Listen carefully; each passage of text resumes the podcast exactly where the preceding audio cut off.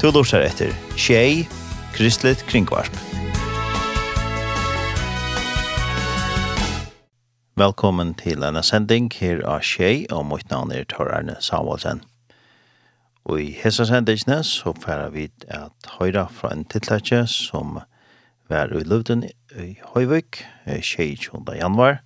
Det var et holocaust minningar halt, og det var i samband vi alt sjåa minningar dagen, Holocaust-minningarein som er 20.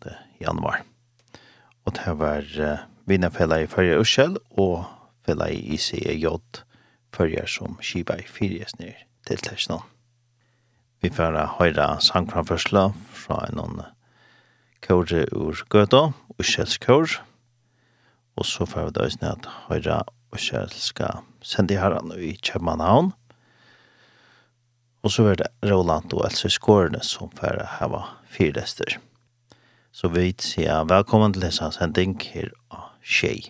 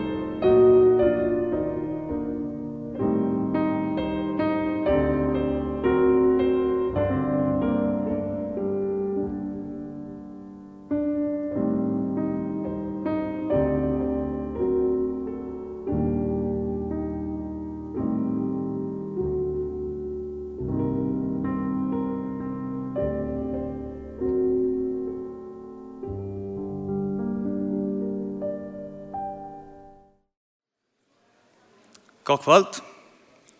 Hjertelig er velkommen.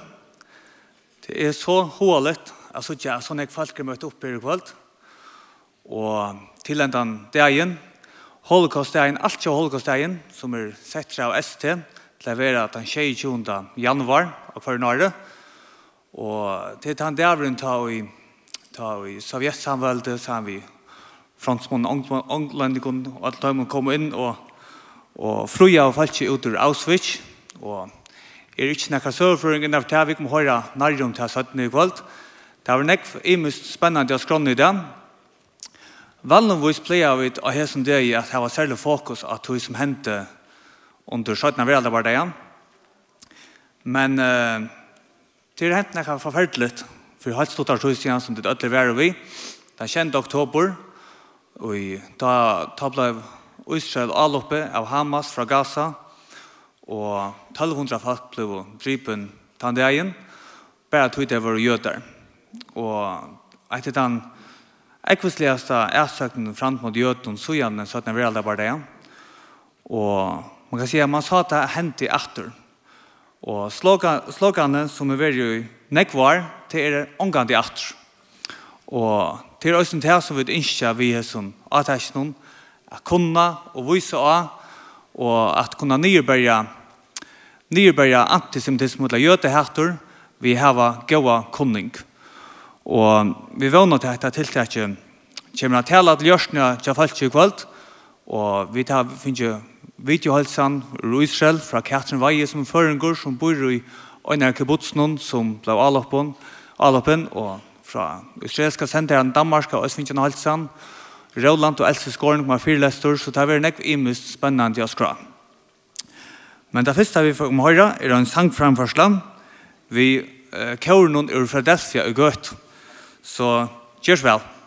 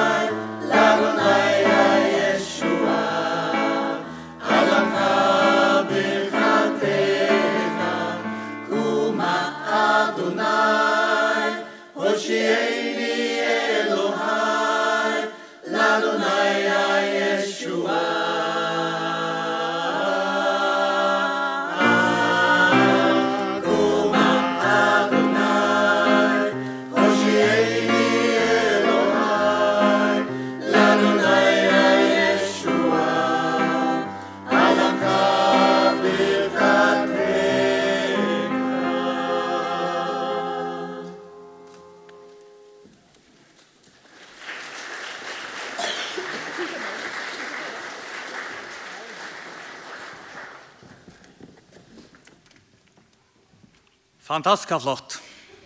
Og alt som jeg glemte å nevne oss nå, det er at uh, det er oss strømt, så tid som er vi online, hjertelig velkommen oss nå. Og det som sitter framfor jeg på en sitter det mynter, det er også at det er stadvekk i vår 120 gudsler tekner i, som stadigvæk er fengar i Gaza, og tar ikke at oss nå folk sa det, og Vi kom mot enda tiltakken her under bønnerløtten, her vi kommer bia for Israel og støvende som er. og vi vet ikke også at, at fengene skulle bli leislatner kjøtt. Tiltakken det er fyrrøke av tvøymon fellesskapen, Det til vinnerfeller fyrir Israel og ICEJ fyrir, og disse fellesskapene kommer å presentere seg nå, og Jeg er selv vår former for ICEJ, og det er Svenninga Lofte som kommer å presentere fellet. Han er stånar i fällde honom. Han och Mike stånar några år sedan. Och Svenning, jeg halte jeg vi skulle gjøre en ordentlig hånd når han kommer opp. Han er israelsk høyreskonsul. Den titlen fikk han i fjør, og det halte han er vel virkelig oppe på bordet. Han er virkelig en ambassadør for Israel her i Førjon og i Nekvar. Han er ambassadör. ambassadør. Nå har han så finnes en høyreskonsul titel at jeg har navnet, og det halte jeg at han skal ha alle ære for. Så skal vi kjeva sändning och klappa och bjuda välkomna upp.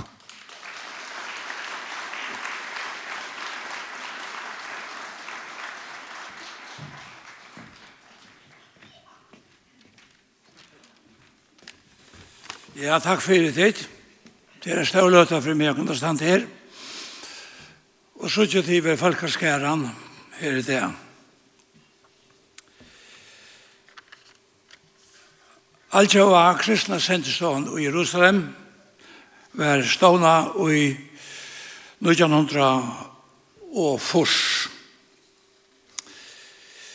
Og han ble kallet for um, ja, Altsja var kristna sendestånd i, i Jerusalem. International Christian Embassy, Jerusalem.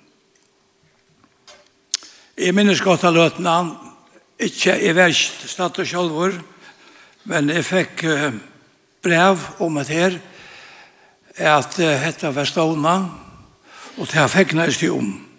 Det var ut i togene ta i Israel, tjøsa i sær Jerusalem som høvested. Og det var ikke talt av flest av hans sjøen. Så vi førte til Tel Aviv i stein 4.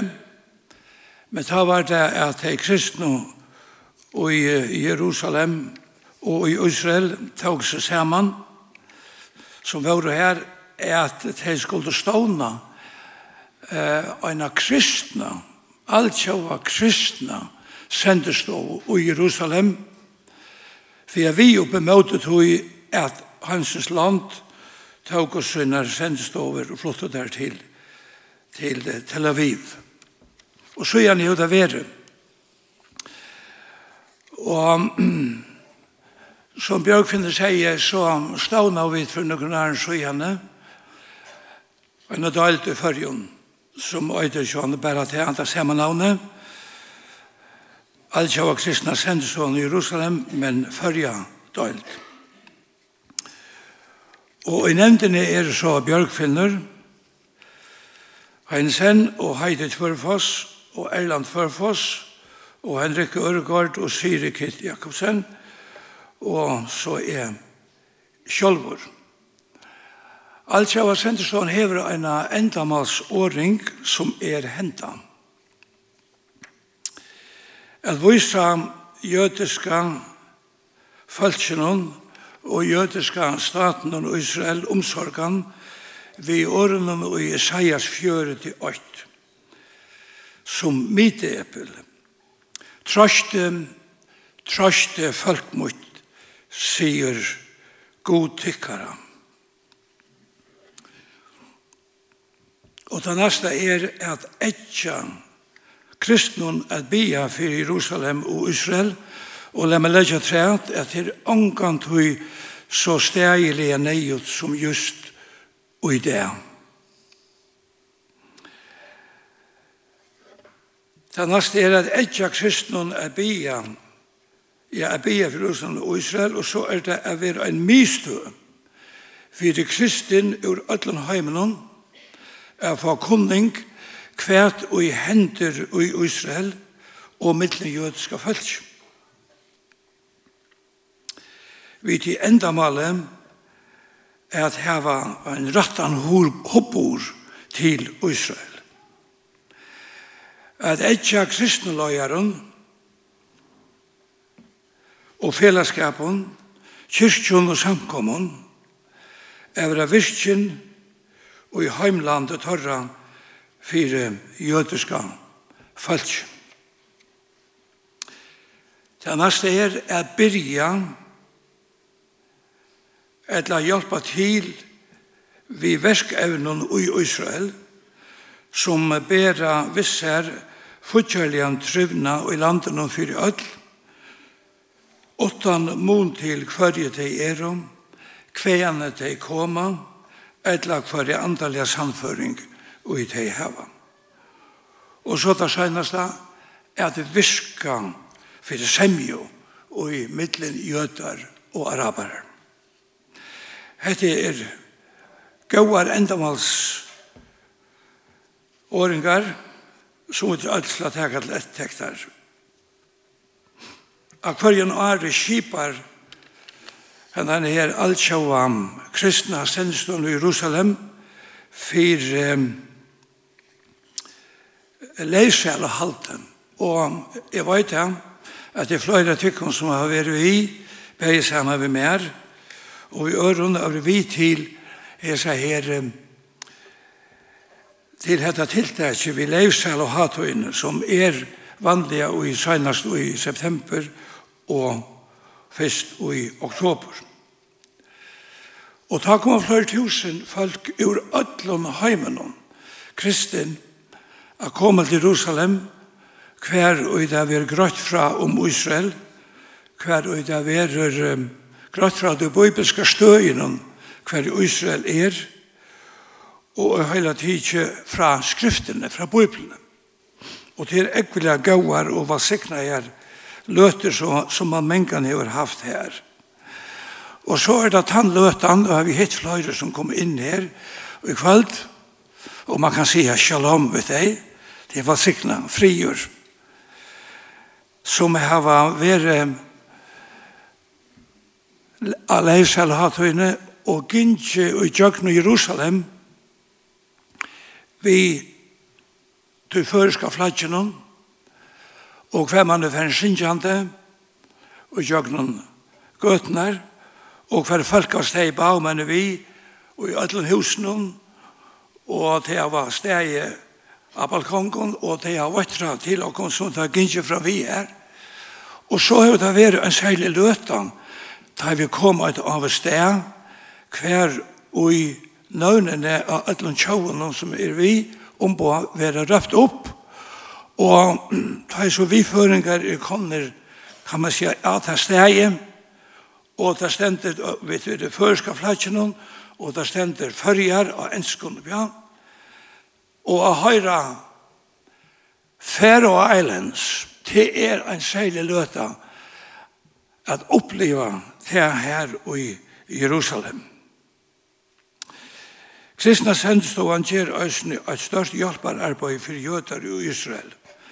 Ta reka et eldreheim i Haifa, og ta hava utvia bombeskoile til verjo i møte rakett under Libanon og ur Gaza, og til veri herliga bruk fire tog her til. Nevna kan øsne at vi i ICEJ, altså før Førjadalt, her var kipa for innsavnan til hjelpararbeid i Israel, og til områden for åkna nevna, at alle hesen peningene som var innsavnaver, for purasta avkjørtur, nye til, til Jerusalem, og at det sted, her og i det kan bytas ut, til de som heva tørv. Tørveren er staurer, og i Israel og i dag bie fire Israel, bie fire Jerusalem, og let dere så ser man her, sier jeg shalom, jeg teller på troi, og så sier jeg shalom til akkara hjärsta, sjalt om krutjer er nere nå, det er det at det skal være frier. Herren er frier akkara, og vi sier, eit, tvei, troi, shalom!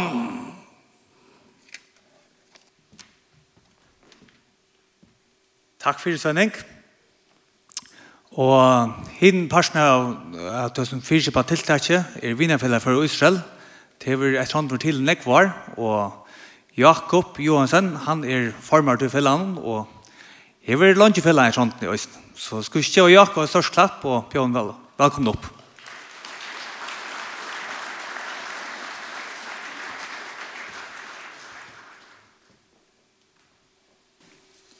Ja, god kvöld. Jeg er Joachim Johansen. Jeg kom fra Vinnafellan for Israel. Det er ikke så nægt det som Svenning er på fram, som er grunn av lønner grunnavlender fellan, så er ferdig at uh, leta til det ikke. Og Bjørkfinner han gjør meg fyra minutter og nødde alt trus sekund og et halvt. Så er man rocker. Men det som vi kommer også om til er, det var i vikene. Uh, Hva skal man si? Ja, Hva skal man hetsa og hva Det som jeg også er at takka for løyga og nevne, som kanskje ikke vil nevnt sånn her gang det er at at det er tvei holocaust som er tenkt at de jødska fasen og tjauene som jeg alltid takker fram og så også jeg takker Eisen Løsendrom det som hendte vi i 20. oktober her og i terrorister fære inn i en bosetting og og tar myra fra hånd, tar, ja, til, til, til regnen døvler og gis ned menneskene til besett, og, og det er alt annet enn, altså, ja, det er alt, alt, det er bare ønskaper, ja. Det som så kom tankar om i vikene, det var nemlig at uh, Island begynner nemlig vi affære inn i en jødisk bosetting i, Mekka, i Medina i Sura, Sura uh, Saudi-Arabia, det som vi kjenner det, ja Medina var en jødisk bosetting, og hette er at han har at at det er Mohammed skal ha finnes under oppenberinger, og han fer inn, det enda vi at det første terroriserer der, og, men han fer inn sammen med sunnen terroristen, og tar teka kvinner, det enda vi tog, all mannfolk, dronjer, unglingar og menn, tar ble halssøkt utenfor byen. Det var et rent løba, og Og heit her er vi travren til Island, tog han verre. Søve beina for Islam og utanfor. Tar sier at hese 1400 årene, søgjant ta er mittlen 200 og trus, nei, 200 og 300 millioner dripen vi og halssagt vi til islamska svøren. Opptjøkken som tog inn her. Og vi er fullkomna blind for hva det her er for nækka. Hver er det faktisk som kom inn her? Det, det er til Island som er fortjenden. Vi skulle være gav vi muslimene, men vi må stande med til Island som binder der. Det er en traldommer som er, er så endur, og til er bare ringa frukter som kommer på surtøy. Så jeg hadde det er hundra år at han var at Mohammed dør, han dør i 632, og til nøyaktiga 600 år at han var okkara frelsare. Jesus Kristus døye, reis opp og før atra stedsyn. Det er 600 år i middelen. Den sanna profeten som Gud skulle røyse opp som beg som, som god, men eisen som te oss, som vi leser om i 5. Mosebøk, kapittel 8, 8 og vers 8. Og hvis du visste leita av netten og inn av kalifat.com eller kalifa.com så får det suttje og leide på kors så suttje dit alt alle ta slåene tja Islam oppe i kjøkkenen tjøvene og eh, hundra at han har at, is, at Mohammed færen ta er det her rundt alt mester at her fylltja nesten at suttje til til som slåene her kristendommen er færen ut fra Jerusalem vi synner det oss i ut i den mørke heim og hundra at han har er der av forstøen til Paris. Spanier inntidje, alt undan meg har vi er inntidje, og det er alt malerett.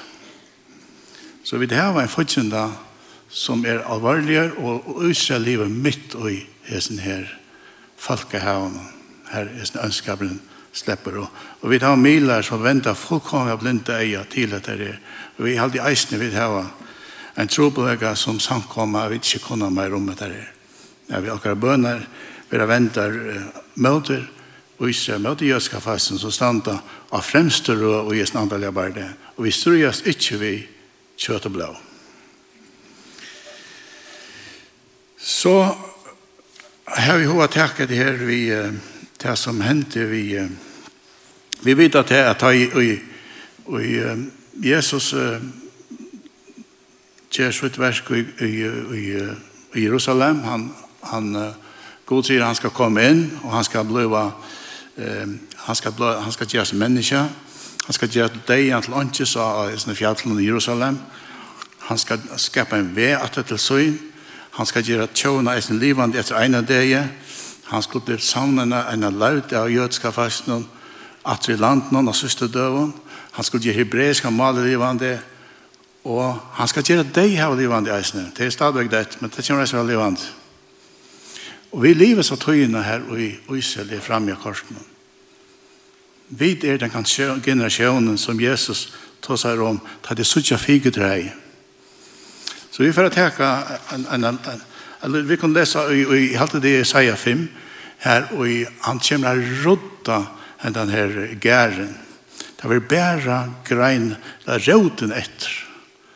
Og til det som vi sutja og i det tar vi fjørde er 18 år er Jesu fern at stæsøyn ta vi er tempelig og lagt. Blå som han har uttelt til er til alt livet så blå offren kan der stekka ta eisne.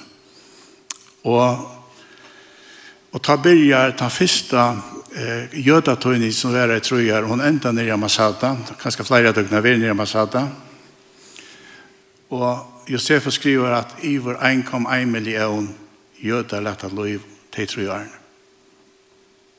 Og til trutjer oppreisrar og ut til kan fram til en er så og ta enda vi bare kakka strøynon som er og er tveitre trutjer det her av deg og ta er da nesten 600 000 mans nei, nesten 600 000 mans omfram kvinner og bad Josefus skriver eisen at det er og Eh, hette tøl som har bærens for krukfarsene gjør at det var eisen døy, folk som døy av, av sjukon og i hungre og, og annan hat og i snedtøyerskajen. Og til Hadrian som er keiser ta og, i Barkokvas røyer, han nevner jøder som han, ja, den første Hitler. Han var den som heist ei for størst jødatøyning og i søv og, og fram til holocaust som vi kjenner under øynværende bare det. Og det er han som teker og slettar all spår av jødska fødselen til land. Han nevner landet, filister av landet, etter tamfudgjene som trångte inn i landet, eh, Arjen David, og, i domar, vi kan lese om det i domarbøysene, eh, han nevner da Filista, filistia, filistinerne, som vi kjenner. Det var reserver som kom av Kyberen, av, av gresker, av greskene opprona. Og at han var til, ta, i, i halvfjersar at han var eh, tempelet blir lagt, ta er kvirre, ta er alt rensa ut, land i et tømt. Og han gjør det navnet Palestina. Og så kommer den her loinga så han sier jødska fast ut i sjøen og her nevnte vi dette her med landa i Medina. Og og så kommer vi til til um, fyrra vi alltid bare det vi, vi leser om om uh, att det är rempingar och i Mies i Eisen og Æren her er jøda byrja att flytta till landet och men du kan suttja disse rempingarna du kan suttja med disse føringarversene som är i sjøen og Det er tvei heimskrøyt, det er det større kratje, fyrtjere kratje, nødtjø, det er, det er arbeidsløse, det er, og så kommer andre veralda bare og hette er et, et av halv trus, og bant er vi kommet opp til nødtjøndre halv trus, ta er tjauen livand. Og vi leser om å se føringene i Beimika 5, at han skal gjøre det upp en tog till en som, for, en som skal få tjauen som föger i Israel. En, en kvinna, er bare en kvinna kan, kan få. Og Israel er kvinna Guds. Läs for alt aldrig. Han skal få en nødja manna at det gjør Israel. Og vi lever en, en, en, en rettelig spennende tog. Vi ser vi suttjar ristningene, vi suttjar er ting er vi affär utan kontroll etter en rattligende alvorlig tøy, og vi, men vi skulle ikke øttes til vi standa av en kletten som ikke kan ristas. Alt som kan ristas skal være rist, fire til som ikke kan ristas skal være standant. Og til kletten Kristus. Så jeg vet ikke om jeg har gatt ungen men jeg håper at vi får en, en god løtt sammen. Og takk for det.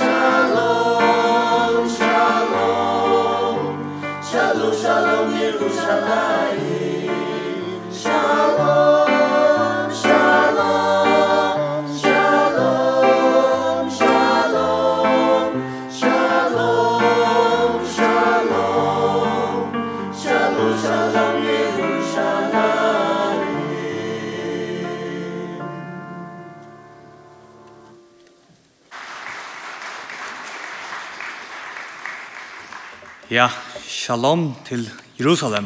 Fri i Jerusalem. Det er virkelig at det er som vi. Faktisk også en tøtning av navnet av Jerusalem. Det er Ir Shalom, som er bojer og frier, så frier bojer. Så det er virkelig at det er som vi i Jerusalem. Vi har finnet en særlig halsan fra israelska senteren i Kjøpmanhavn. Og hun er en enskånd, men vi har finnet en omsettet. Så jeg får lese han opp 18 år. Sent her en øyder David Akkov, og han kommer av en halvt fyrst her oppe i Størskutja, og så skal jeg lese det oppe av førskånd 18. Så gjør vel.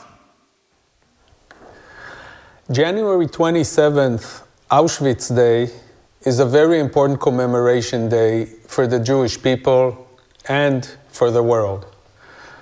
This commemoration day is the result of understanding that the Holocaust was a terrible singular event that we have to make sure will never ever happen again. The call of never again should not be only spoken words. It should be a call to action for every decent citizen of the world. This year, after the terrible attacks of October 7, this call to action should be emphasized even more because of the eruption of anti-Semitic hatred we witnessed in the last months all over the world. This eruption reached unprecedented levels. This rise in anti-Semitism threatens not only Jews, but every peace-seeking individual and peace-seeking society anywhere.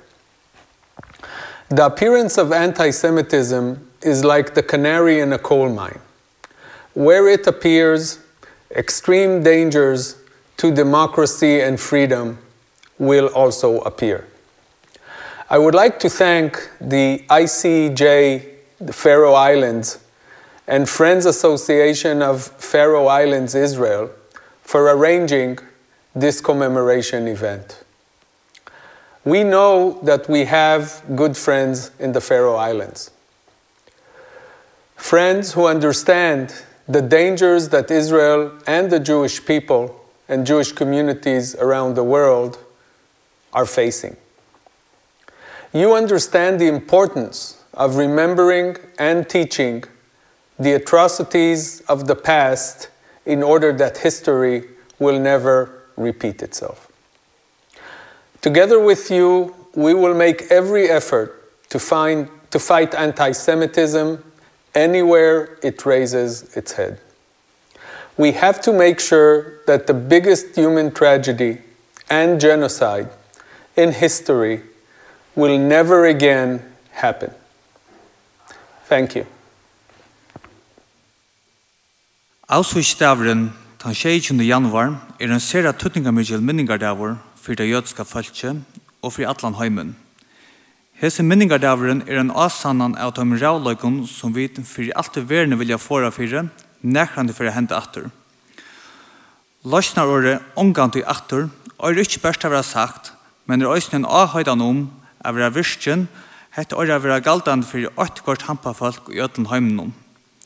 Etter rævlig avløpne i hento den kjenta oktober 2023, og er hette av det en større, en større avhøydan av folkom, er enn mora virkjen, særlig vegna rakstraråpene som standas av jødehasten vi tar vitten til hesa som månader kring Atlan heimen.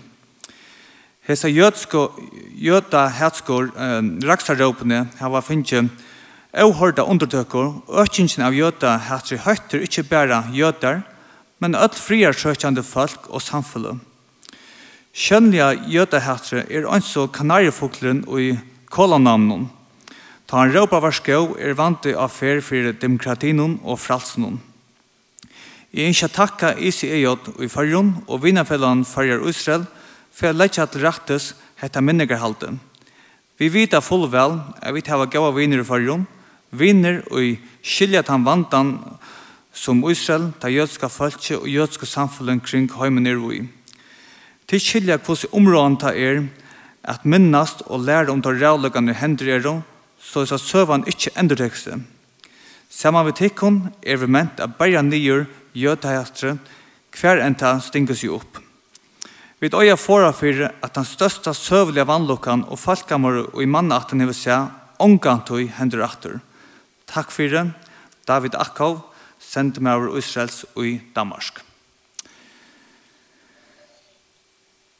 Tan, tan næsta innslag vi kommer hava, halde er at ser hjertenemande og særlig innsla til er Kjartsen Veie som bor i, Dam i Israel hon var framme ta i akkurat 18. 20. oktober da kom hon var først til Tøynden da hon bor i øynene av kibbutsen som var avlappnaren den 20. oktober og tar stå enda av trappene til tøymon men slapp ikke inn og vi da finner en skrivelig halsen som Maikon kommer til å lese opp. Så Maikon, først kom jeg opp og fortalte sin om om oisen da de var her nere og vidtjavo og lese brev fra henne opp. Hei. Um, Katrin sitter og hikker etter oss her nere vid deg av. Så hei Katrin. Vi var og i april måned og i fjør vi er en ønferdelige nere av hennar gebuts, Gisofim, som ligger två kilometer fra Gaza. Så vi så faktisk inn i Gaza. vi kom her frutja det av 17 pers, så Katrin og Marcel, som, som vi arbeider sammen med i samband med akkurat turen til Israel, der, har där byggas som gebuts og vinkoner. Der har arrangeret en sabbatsmåltid for okon. Så ta och filmen för gång så såg jag lucka ett klipp tar vi köra in i kibbutzna och så såg jag Katrin så fortäller från kvart era barn och först allt är från kibbutzene. Katrin har sendt en fragrøying om hvordan det kjentes og hent, hva hendte av henne i kibbutz uh, hentet deg en kjente og tøgjende. Hun skriver «Jeg øyde Katrin veie grossvirst og bygge i kibbutz kisofim som ligger i Negev øyemørsene omløy 2 km fra Gaza-gøyrene. Jeg og tre Majan, Mayan, 30 år, hun bor i Kisofim ved mannesunnen Leav, og tar av fyra bøttene. Adam, 12 år, Mikael, 9 år, Eilon, 6 år, og Alma, 3 år. Sonen Jonathan, 21 år, leser i Tel Aviv, her han bor. Så satt var han ikke høyma, han kjente i tøtjenda. Men er nu innkallaur til herren. Sonren Ran, 24 år, er bant nu i Chicago her han ferast og arbeider. Jeg vaks opp i havn og i Sørvei. Papp bor i havn. Jeg hittet mannen Haggai i 1988, da jeg var volontører i Kisofim. Vanligt er godt at, og frialigt at bygge her, som at byggva i en luttlærbygd. Då har vi de seneste 20 årene haft tusendavis av rakettalopon fra Gaza. Tog vi vid, tog vi David Ødel, hos kvart vi skulle gjøre ta i hette henter. Da begynner vi at en hatalare fyrir gongt, som råber Red Alert, og så har vi 15 sekund til å nå av trygtarrummet. Ødel husene i kubutsene har et trygtarrum. De fleste har også en app som gjør avværingar av ferdtelefonen. Leia morgenen den kjenta og tujenta klokkan 6.25 var det vakt av avværingene Red Alert. Vi var fyra i husen, jeg, Maumun Hagai og tvær omsyner, Mikael Nudjar og Eilon Seksar, som var kommet og sova til oss. Vi skunda oss i trygda rommet, vanliga var raketterna skottnar ned av Iron Dome, som er en luftverja, og en raketten for gjørs nakran skeia. Vi vant av øysene henda morgenen at Iron Dome for å skjøte rakettene nyer. Vanliga boja vi denne tusen minutter, og så kunne vi færa atter utsikt der om Vi varna oss nesten bøyna veien at åndsje vær som det platte hentan leiermorgenen. Rakettavhengarne hilt ikke opp og vi så appene at det var rakettavlopp om alt landet. Om klokkan 6.45 hørte vi et øysen av maskinbyr som utanför husene. Døtter okkara var ønsamhet heima vid tveimabøtnen, her som hun bor, Adam 12 år og Almo 3 år. Med var henne var i India, og jeg var bensjen om henne. Vi røynda rinja, men hun sværa ikkje. Jeg huksa jeg at det var nok tog at hun var utrykta rommet og at ikke telefonsamband var. Vi finko øyne på fra henne omlag klokkan 6.30, om at det var ok og var i trygda rumene. At han har hetta fikk vi åndsje på fra henne for en dag etter. Jeg og Haggai skunda av okkon etter omkring å drekka og eta, hoksa av at vi får nokka vera lunge i trygda. Om hetta måned tror vi at det var herren som var utanfyrir, tog det ligger en herstø tatt vi ikke botsene, best at hegn er i middelen okkon. Vi tendrar av sjånvarsby i trygda og kordu teknefilm fra. Hetta var fyrir at omsyner kundu hugsa om okst anna og ikkje være benkner. Jeg var så her saman vi tar tøymon. Hakka i helt at det var løy vi skåten vi tørte, og for utsikta rommet for jeg kanna hva fyrir tjekks i utanfyr. Han sa nekker Hamas menn genga rundt i kibbutsene samstundest fink vi bo om ikkje å fære ut ur husen og at ståndja okkon inni i trygdarrommen til kibbutsen var avloppen av Hamas terroristum. Kibbutsen hei en app her vi kunde vera, vera kunna i om hva for hendt i kibbutsene. Kjøtt for telefonsambandet og, sambandet, og vi finko onka kunning meire jøkken hese appene. Det var som Det som var så brukt til å kunne om støvna var en bølger av WhatsApp, som også er en app, som nästan ödlige botsene er limer i. Hesen bølgeren veri brukt til nastra hjelp, til døme som onker manglar egg, sugur, panodil, blæver og så vidare. Hesen bølgar var den eneste som kunde bo, få bo ut. Hundravis av boven var nu om at folk så ivergangsmenn og nekvskåt var. Onkur er fra at ivergangsmenn var inne ut her i husen, og at håndgranater var sprongtar. Vi drøynte å få fætra mannen og jeg hever avbyrden av tryktene i kubutsene, og sier noe fra hva Haggai sa, men bøyene kom ikke fram.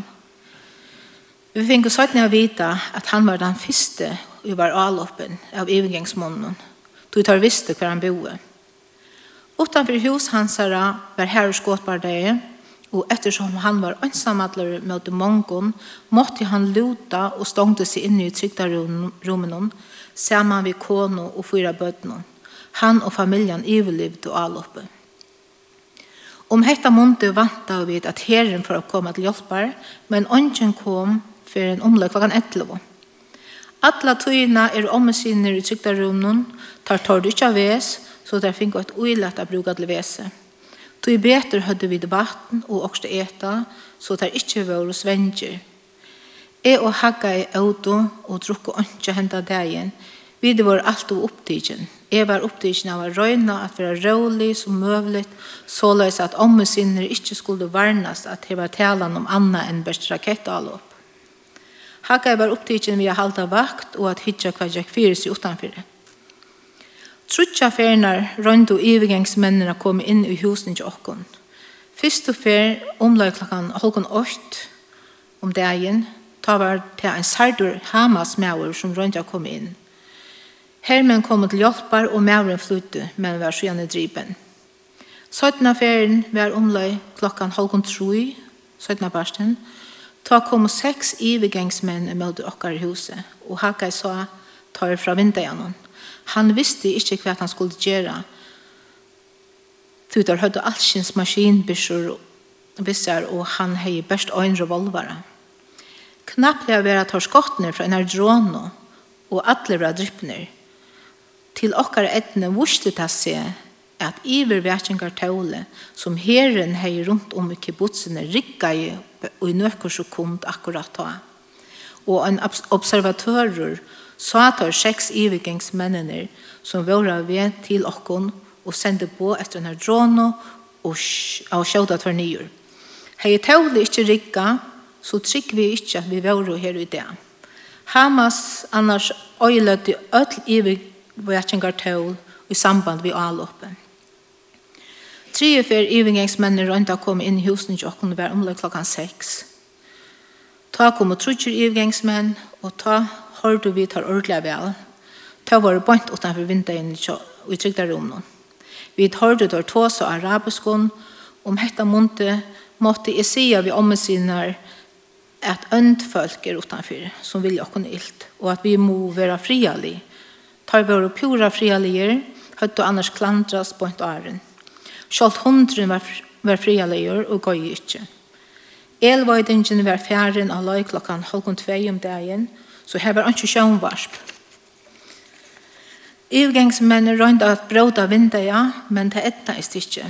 Ta røynda så bæktittnar og heldur ikke her slupptar inn. Så fjør tar til utårene, ta kom herren og ibegangsmennene flyttet, og gømte seg i høa åkruten, som var en 20-20 meter fra husen okkara. Hermennene løyta etter tøymen, tøymen og ibegangsmennene kastet en håndgranat mot hermennene, men tar nått å verja seg og dro på ibegangsmennene. Nå så vi at husen ikke grannet okkara hinner med i veien, stand og ljøsen loa, Tar trutjer ivgangsmennene hadde vært her åren og sett elda husene. Hetta var en bygning i fyra uibøen, en familie, mamma, pape og en 14 år gammal drongur og i ødelbrent og inne. Øysen en eldre kvinna var innebrent, henne var bjarga. Jeg fikk sendt mynd ut og bo om hjelp, bant åren batteri og telefonen var utbrent. At han var hetta hadde vi ikke telefonsamband og ikke elsamband. Tja okkon hendte ikkje meir enn fyr, en herren kom om nottena klokkan troi, sunne morgenen, fyrir a køyre okkon urkibutsene.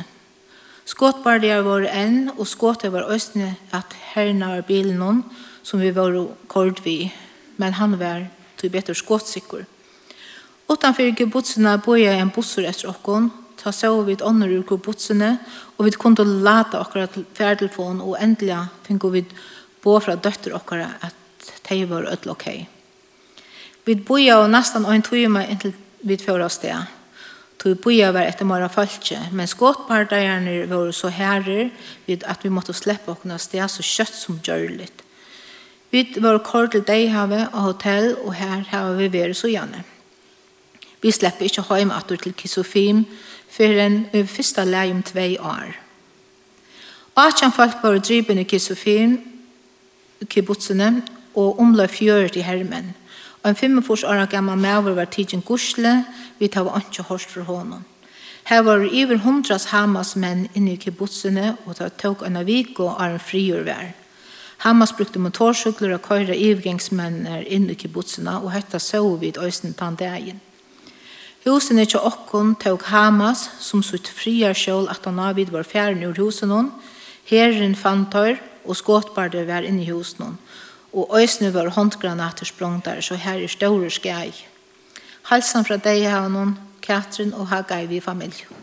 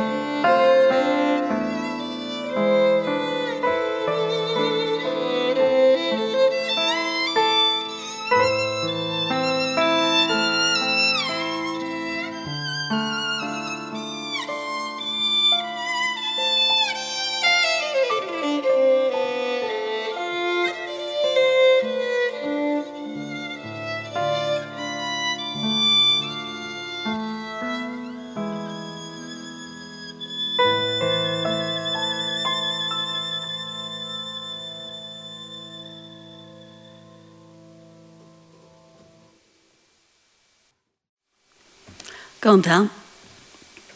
Og takk for i høve at vi er sammen vitt i kun, enda særstakka minningar det, 22. januar. Vi sitter her grunntøytningen av ordnen holocaust, um, holos kaustos, det bibliske året for brennje offer, og førskån omsitter vi det ofte til tøyning, etla øying.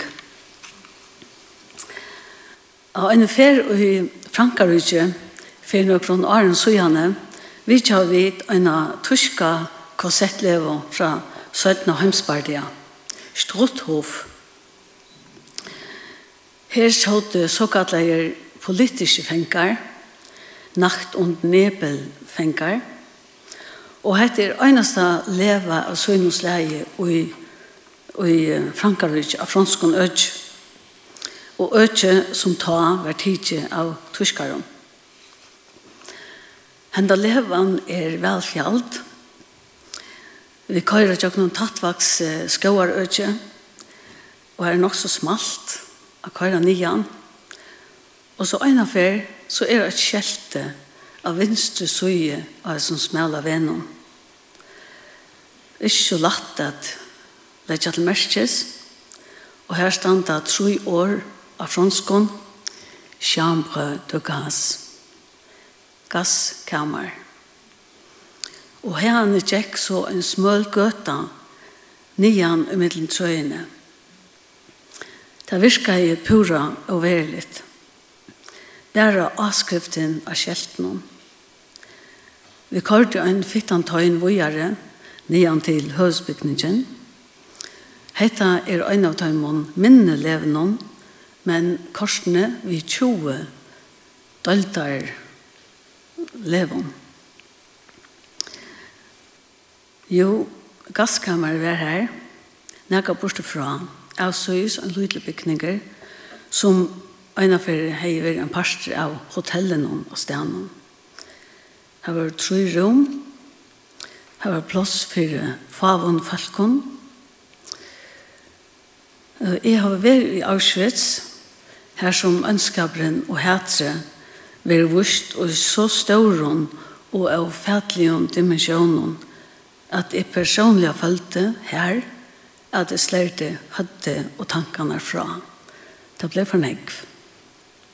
Her i Stråthov var gasskammeret og alt annet så lyte og i mån til Auschwitz at man fenga i alt narre.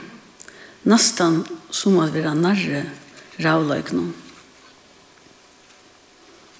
Og med han hitje av tekningen som fengar hava tekna om løyve i levnum, så suttje knapplige øyna, nei faktisk fløyre, tekningar i norsk kontekst. Ha, hever ein norm over sitt her og tekna. Og nu kommer øvhunen oppatenare, Jeg skiljer hvert år vel og virlige. Jeg er nærre åkken sjølven, nærre fyrjum. Og jeg har valgt i det å teka et norsk sjønaråd om evne. Av jævlen i 2019 var vi vidt med om en og jeg vi er noen førskån ferdelei i Israel. Lokale ferdeløyeren Jeshel Porat, er føtter og oppvaksen i Israel. Og med i Trusjenom. Han er norska kone, er bo tvei år i Norra, og ta seg norsk ved okken. Og konan var født i Larvik, oppvaksen her og i Oslo. Jeg ble forviden og spurte han om nekker i hans her familie har jeg haft næropplevingar fra holocaust. Jo, og ta ena kvalte så um, fikk vi dan a fortelja søgnvinkel om holocaust. Med den andre er at norske verfeiren, som vi sørger mynden her, hei veri og nazistiskon fengalevon, og i arbeidslevet, og i tøyningarlevet, og i Auschwitz og i nesten 2 og et halvt år, men det skjønneste vikene av fengatøyene og i Dora, fengaløvne, Nordhausen, han var sendt ut av Deskonge, ur Auschwitz og i hina levnar, og enda i Bergen-Belsen. Og så legger han at at han skriver en av bok som av norskon øyder det angår også deg. Hun kom ut i 1976, og hesen Herman Saknovits dør i 1978, 36 år gammel.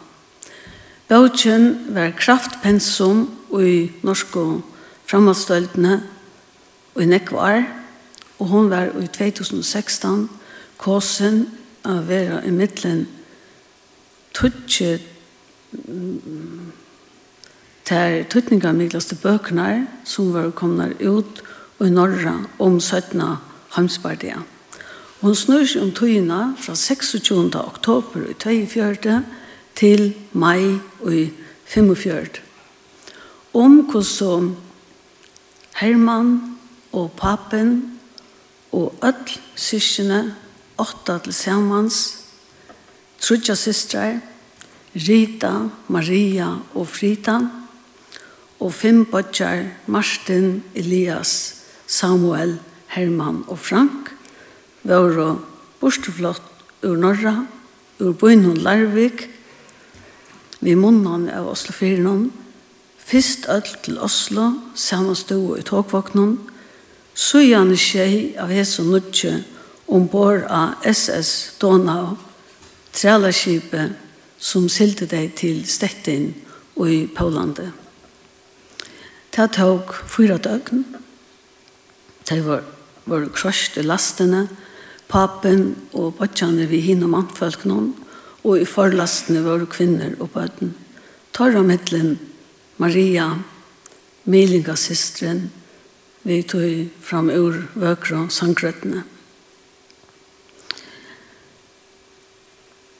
Hina på systrarna finko en annan sötne transport. Og i stettin var vi atter stua i tog, sier han. Skikk var rundt og ytla vi færren, men og i alfabetskare ræfylg. Og i akkurat togvåkne byrja av nøvnen vi S. Det var Saknovits, Schermann, Smith, Steinmann og så framveis. Det etnaist pappa at sauna okkon fem bodjar og i tåpvåknen. Han gav okkon ra om hvordan vi fra nu av skulle bære okkon et. Han er sjálf vært og i hernavleve i gamla Russlande og flytter undan Jøda Jakstrand til Norra og Jøgnon, Finland. Her sitter papen sammen med Marie og Friti og 1900 og Øynefjord av myndene. Papen dotte talmod ut og inn. Han var sikna i okken øyne og øyne, som han alltid gjør det, da vi til det jødske høgtøyene høyma. Og at enda sier han, Tan vi var sikne til og var vøyde til. Tan vi la til anlitt sutt lys i ut og være her nøyvor. Tan vi litt arsjonsson i ut til og gjev tar fri. Tvei døgn i Tåkjennom, og så i Auschwitz. Trondkjer under 15, og menn eldre enn om løy fjørde til vinstre, somløys kvinner og bøtt til vinstre, pape vøttrei til okkon, okkon fem bøtjar ur en lastbile, og sier, farvel mine drenge, farvel.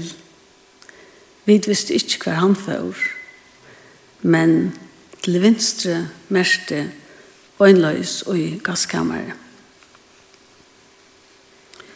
Og i byrjanene var bøtjane saman og samme barakk og samme arbeidslige.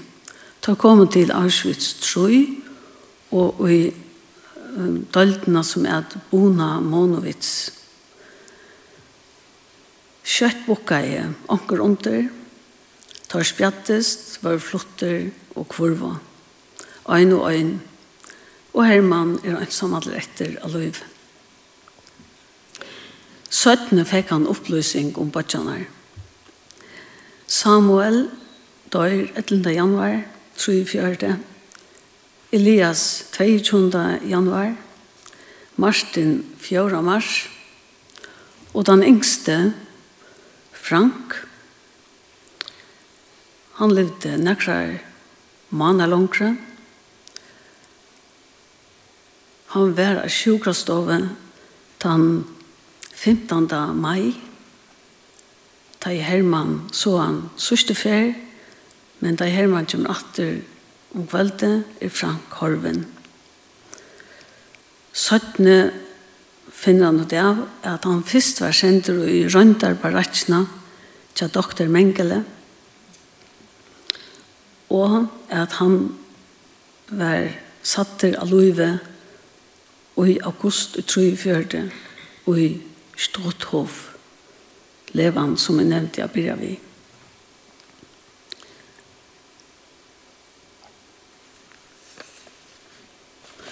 Ehm graver i Stråthov kanskje Frank finner finche onkra lyknande og lyknande gravsted i Storthof. Her stender en kony som märker ökänter. Um, vi kunne spyrja spørningen hva hendte i Norra. Vetren 24-23 var 672 gjøtar tvingselsflotter ur Norra. Norra Herman og Bachaner, papen, vi Donau 26. november, tar var 532 ombord. Trudja mann er 17. 25. februar, 188 norske jødar, for sommerrot. Av mannen kom og bæra 34 etter, atter av løyve. Av kvinnen 300 kom ånden av trojats. at bøgnløys ut egen vid bøttenen. Ter er frakrængen kvui vi ter av nekv, nekv farre frasakner fra kvinnen som kom i tjøknon holocaust vid løyvnon.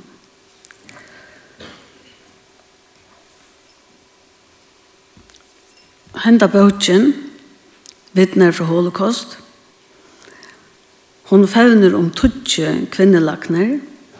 Fyra av hesson bosett seg i norra etter krutje. Og i sørste løte, 2012, fær en norsk rithøvnder hesar tutsje kvinnenar å fortelja sina søv. Og han sier, «Jeg gjør det øsne, for jeg vil ikke skulle gløyma de norske kvinnenar og bøttene som vi omgang til fratt og atterfra. Og her i middelen våre ter trutjar systra Herman. Kvui og kusso blei Herman som er verfeiren den feraløyen tjokken. Ein av to luttla brådparten som ivelevde i Auschwitz Han sier, jeg vet ikke rettelig, at han sørste løsnøsten sløkna i omgandøy, men han var ofte lykka vi. Men han var unger, han var vel fire. Han lærte å tolka etfer tja kuhernen, selv om etferen ikke var konsekvent. Han ekkløtte, han lorsteie, han sier som minst, han sier etterstikkaren i han Han fikk kontakter ut i køtjen, fikk ega porsjoner her og der. Ein av tog arbeidde han som garsnare, og da kom han i London, eta gulerøtter og tomater og blomsterleitjer og den øsne. Fikk med for å gjøre og kvanta mye. Han organiseret som var torre år for å få fæter av mæte og loton og klævon, ikke minst. Og og han fann en fjaldan Jamestown og et godlur som han bytte om vi med. Og så sier han, jeg lærte jeg suttja vi eion som ikke så. Han drømte om Norra, av vera fratse over av ski i norske fjøtlenon, om norska med, om høyme. Han var også snilter, han fekk viner. Men sjálfur sier han, det var intuisjon og held at det ivelut. Men det som først og fremst bjerga i honom var trompeten. Han er skriva musikere som starv da han kom til Auschwitz. Og da orkestret var stående 26. august i 1943 og elevene var Herman ein som stod opp til grøntene og spalte lykka til januar i 45. Heim i Norra spalte han ikke som professioneller, men her i levende, sier han, spalte jeg vi fremstå tøvnløygaren i Europa. Han var skjera donalir, det var ødsiskene, det er bæg sunko, spalte ljåføre, og var aktiv i sjønløyge og i idrotten. Men nekver tónleikarar i orkestren om kurvo som tøyen løy er kom vi her var støv utskifting. Vi slopp jeg venje inne, sier han, vi kvørst kanskje åtta timer om dagen. Det hjelpte. Vi fikk ega mat, ta i vidt, ta i varsler og framførsler våre for SS-er Vi fikk en tabunar, kvitar, vi reion strøypon nere etter bokspråkene. Men vi spalte i øysten til de og tespelig tiltøkene. De fengar var hongter og straffeir annan hatt. Men øysten i orkestren var han hoppaver, for jeg var gjødt. Tør våre bottenfattele og i levende. Men i tånløkene fann jeg glede, sier han mitt i ønskapen. Jeg kunne drøyma med borster, trompeten ble mot liv. Og Jan var i fjør, og i 2023, stod en spennende grøn i vårt land om badneheimet tja Saknovits bøttenon og samrøva vi døtene eh, Rita og Marion. Rita bor når han for Tel Aviv, og Marion bor i utenfor Nis i Frankarud. Norska tjåarsavn hever i nøkker år arbeid via fria jødska mentanar arv, og i fjør, 22. januar, var huset, et eller større parter av huset nå Badnheim nå fria. Og til nødje trøyene og i Årstakæren. De som øye husene i det, sier vi har alltid følt en særlig avbyrd av husene, til navnet Herman Saknovits hever et særligt plass i norskare søv. Her er nek minner om jødiske familjene, med den andre den luttlige metallsylinderen,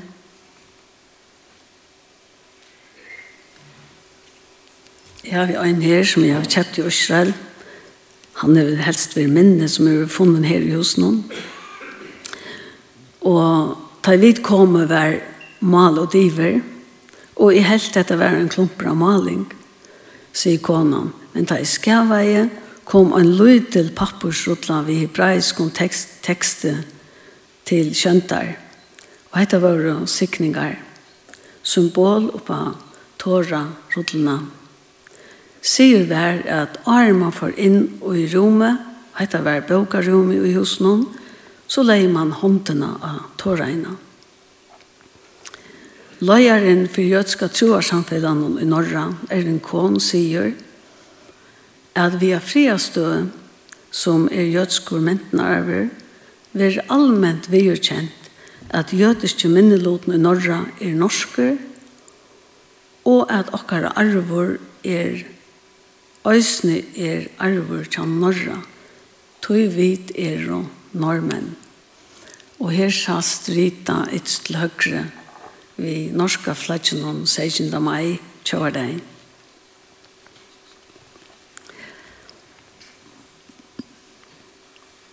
Tja, døtrenon ritu og Marion merkjest anna generasjonssyndromet. syndromet Alla vinkoner okkara hadde ommer og appar, vi hadde ongar.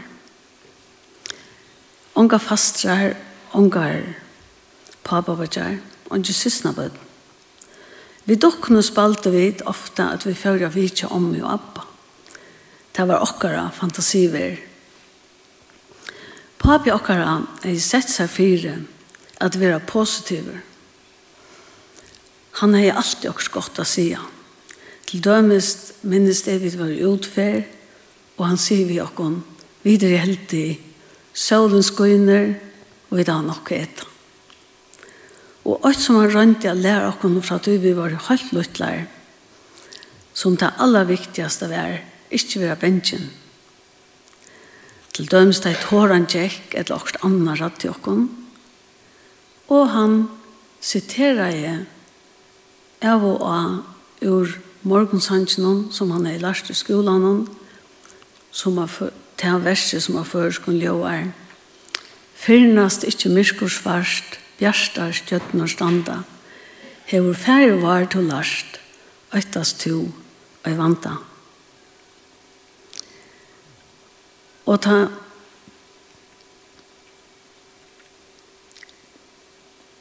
ta som løytel, ta visste jeg ikke om rævleggene som papi har opplevd. Men jeg følte i mest. Hvor er han tatt å være 235 av armen? Om akkur spaten spurte, sier han til dømes at tali er et telefonnummer. Og om akkur forvittnest om arren i bøynen, så forklarer han at han var biten av insekten. Velar sin vær at han var pointer, og jeg var for ringar viffer i levende. Men vi skilte så lojande, sier der.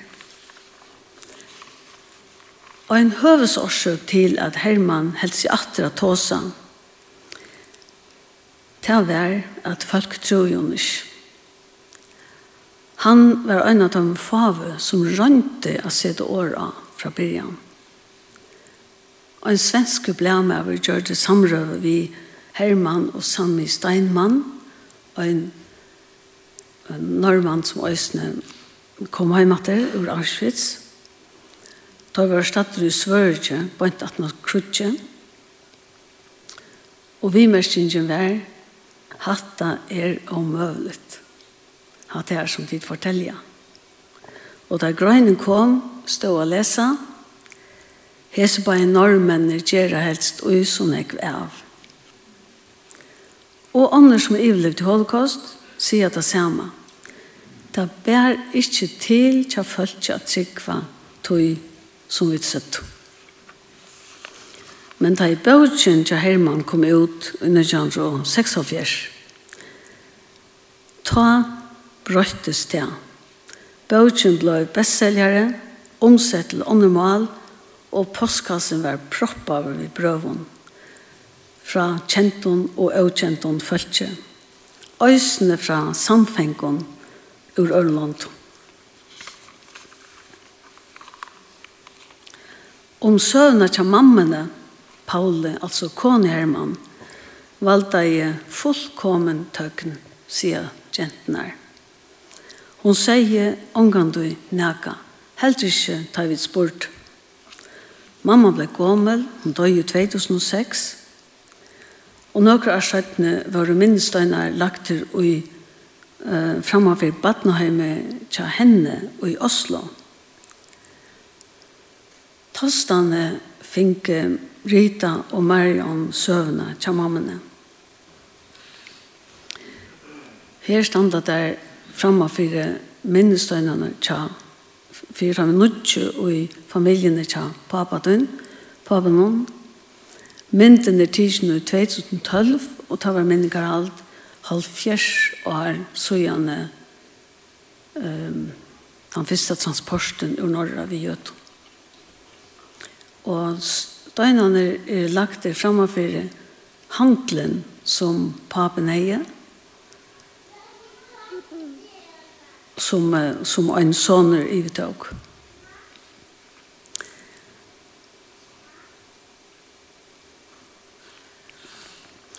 Ter finge opplysningar tog at Jødisk museum hei granska og sauna tilfær, og der hitte skildfolk som der ikke visste om.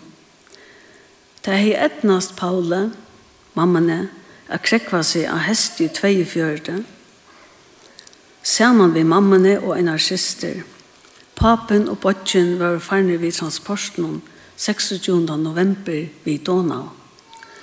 Og i trutja manar krekvavdars. Omstøvnar våron sindarligar. Kalt og lydlange meter. Og Jan var i 42 etnaist a kom og marsje til svørje. er nærmast børo, eller drøvo, mammen av mittlensunn jøkken skoen. Søttene samme år orska i mamman ikkje møyr og tåg sitt egna løyv. Og døtteren, Paula, hei valgt ikke å sige. Og der sier vi tås av løyt om familie heima. Av vetsjonen var det mynter av dem og deg. Og en av vi tatt veri til fotografen, forteller Marion, og tidsi familjemynder var en så flott mynd av mer og i tjåarbjona. Mamma sette han av flykle. Jeg spurte mamma om hun skulle, stand, om hun skulle håndja stå på vetsjen. Nei, sier hun, her henger bæra til deg. Og heit har vi fyllt systeren om kvartjen håndja mynter av sunne kære og på vetjen.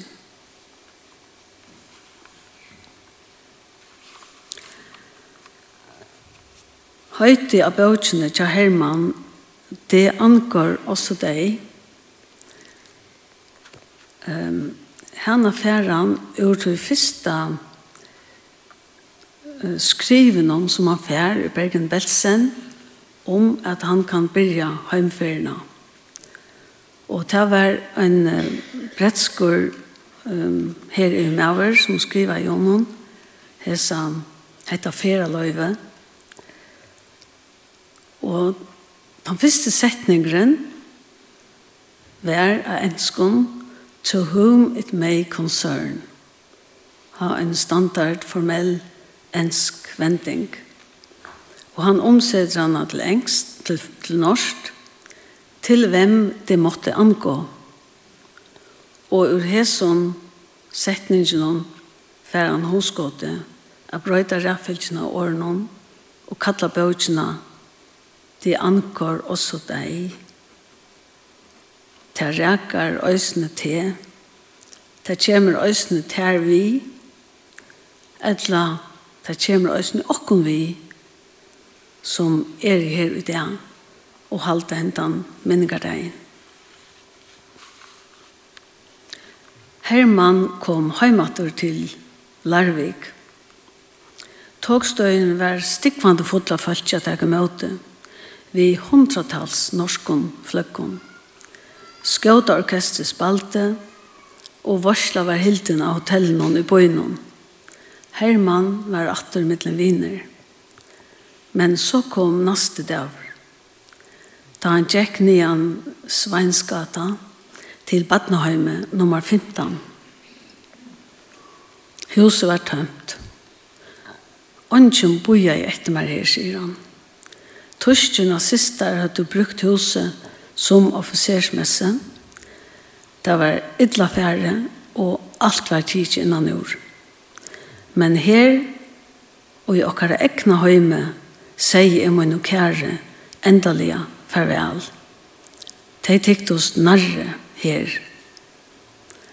Og ta han kom, da stod et skjelte utanfor, velkommen høyme, som var evna til av grøynon av norskare grann.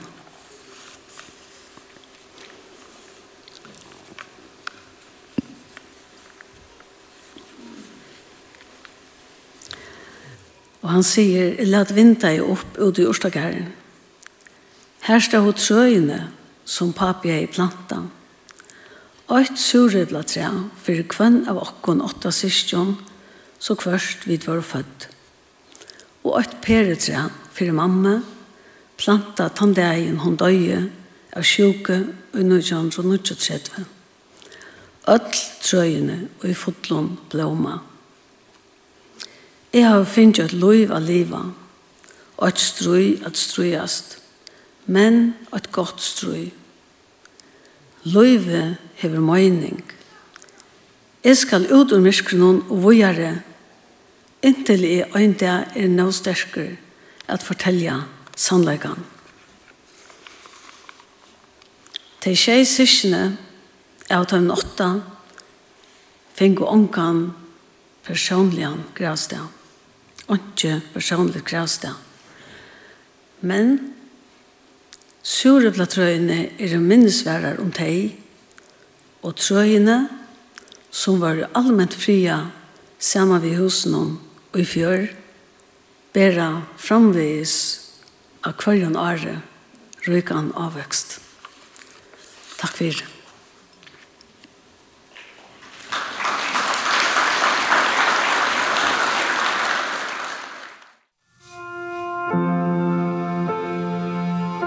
Hetta er Shay, Kristlet Kringvarp.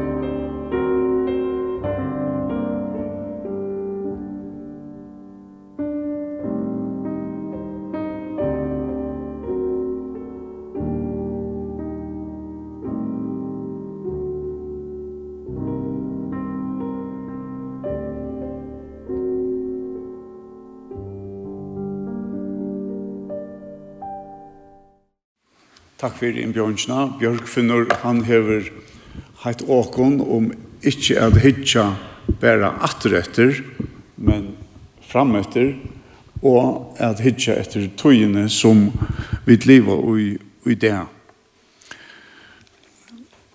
Jeg minnes Daniel Poulsen, som var formøver i Felanon. Han skriva i 12. april i 2022 som han fer heim til Herren 26. april samme år. Underrita i Daniel Poulsen hever i mange år sauna bøkur ein 600 utale og ein halvfjers uh, filmar om Israel, jødanar, holocaust og anna tilfær her som vi vujant. Ta frøtte meg, ta i førre løkting, den 1. februar 2019 samtykte at 22. januar skulle være allmennere føreskur minningardever om holocaust og folkadrap i høver. Underrita i, Daniel Poulsen, djever vi hesum, bøkurnar og anna tilfær hesum vi vujkjante til atlava holocaust-savne til ognar Og så sier han at dette er eh, give for at allmenningen i fyrjon kan få etgångt til meire kunnleika om holocaust. Og så skriver han samsværende vilja, og så nevner sitt egen navn Daniels, og Anne Poulsen er holocaust-savnet sett av stån vi regler og nevnt. Hetta gjørte Daniel bare en tvær trutja viker, Aren han får heim til herran, til saune finst intakt ut i fløton her i havn, vi da har sett opp et bokabor til heier fyrir Daniel. Ta mersker at Daniel levde i nutøyene, til nu og her er vi til førjon kunne gjøre noe aktivt, heva et saun til foreskan ungdom Alle skolaungdomren skriver støylar. Hver skulle det få han eka? Til ikke saun i fyrrjon som kommer nær namen av til saunen som Daniel har um, sett av stån. Og her ute kunne nærmengar sitte og lesa og skriva og lette sine støyler inn og få dokumentera så at det var nu det er eisen en heier for eh, Daniel Sjolvan. Det som Elsa nevnte, det var hva var gjørst i 2023, da i huset i Larvik var vugt og fria. Og enn i det var steinar lagt der nye ved navnen av teimen som var tidsen ur hver eneste huset som jøder bo i, i Norra, Paris, Berlin, Hamburg, millioner av stolparsteine vi har lagt nyer for å minnast. Enn i det kunne vi gjøre okkurst. Daniel gjør det okkurst. Vi har et savn som vi gjerne vil åpne, ta vi har arbeidet synder mer vittu. Men omgang til atter, et løyte bråd, så gjør vi nå, for at færa atter, og så færa jeg fram atter. Og jeg sier, særlig vi til kun unge her, at om til kun ikke damer er suttja verleggene som han er, så kunne de bare blunda.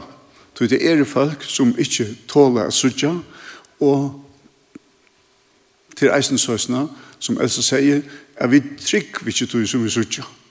Vi sudja vi eier som ikke sudja.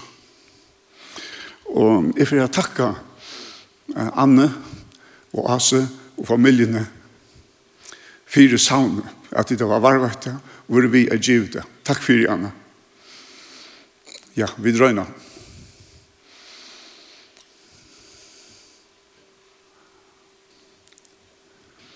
Vi har holocaust atter nu. 20. oktober kikna i holocaust oppatter. 20. oktober tog antisemitismen digase. Og hva hendte i Tysklandet? Den rasistiske, antisemitiske flokkeren, de heimat, han er et NPD, Nationale Politische Partei Deutschlands, tjålskaperflokkeren, han miste vi utkøve græsli i reistak, rujestenen, rett til fudjarlig en stol som alle flokkar få, vi tog endamal at han skal avtekast, til han er rasistisker, antimuslimsker og antisemittisker. Det var gjørst ui det. Vi berjast ui det ui måter antisemitismene og at holocaust ånga du vil endertidje. Og det er kommet atter. Ja, vi drøyna. Into the flames go some 20,000 books. Books which shape the contemporary culture of Europe and the world. Books by Jews. Books by anyone not liked by the Nazis. He states the age of Jewish intellectualism is finished. Out of the rubble, out of these ashes, the phoenix of a new spirit shall rise and triumph. Aber aus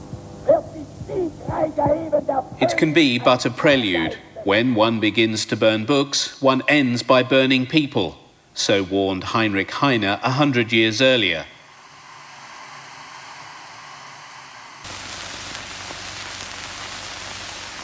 Sanitary conditions were so appalling that heavy equipment had to be brought in to speed the work of cleaning up.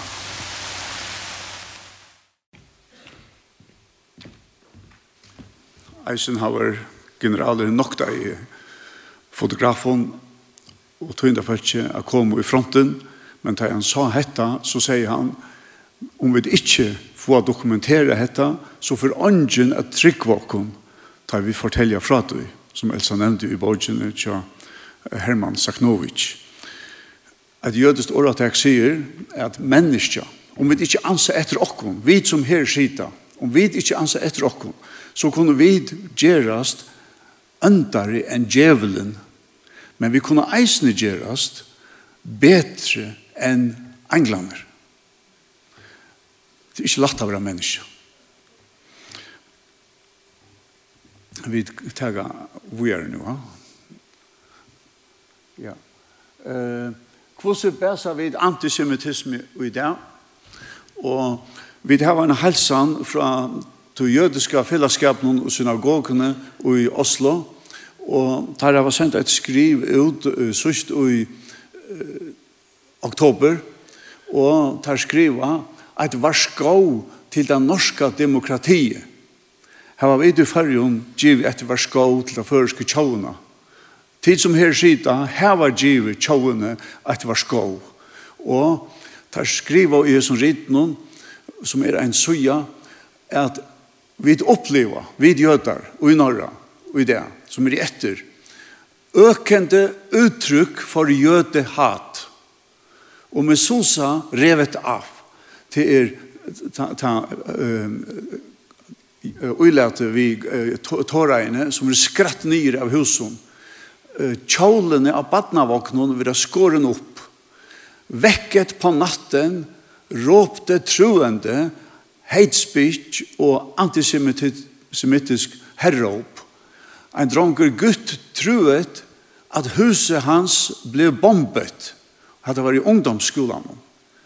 Og i sånn omstøvnen i Oslo, og i det, sier der jødene, vi ber for fred og trygghet for alle. Og det gjør vi her. Vi gjør og i det.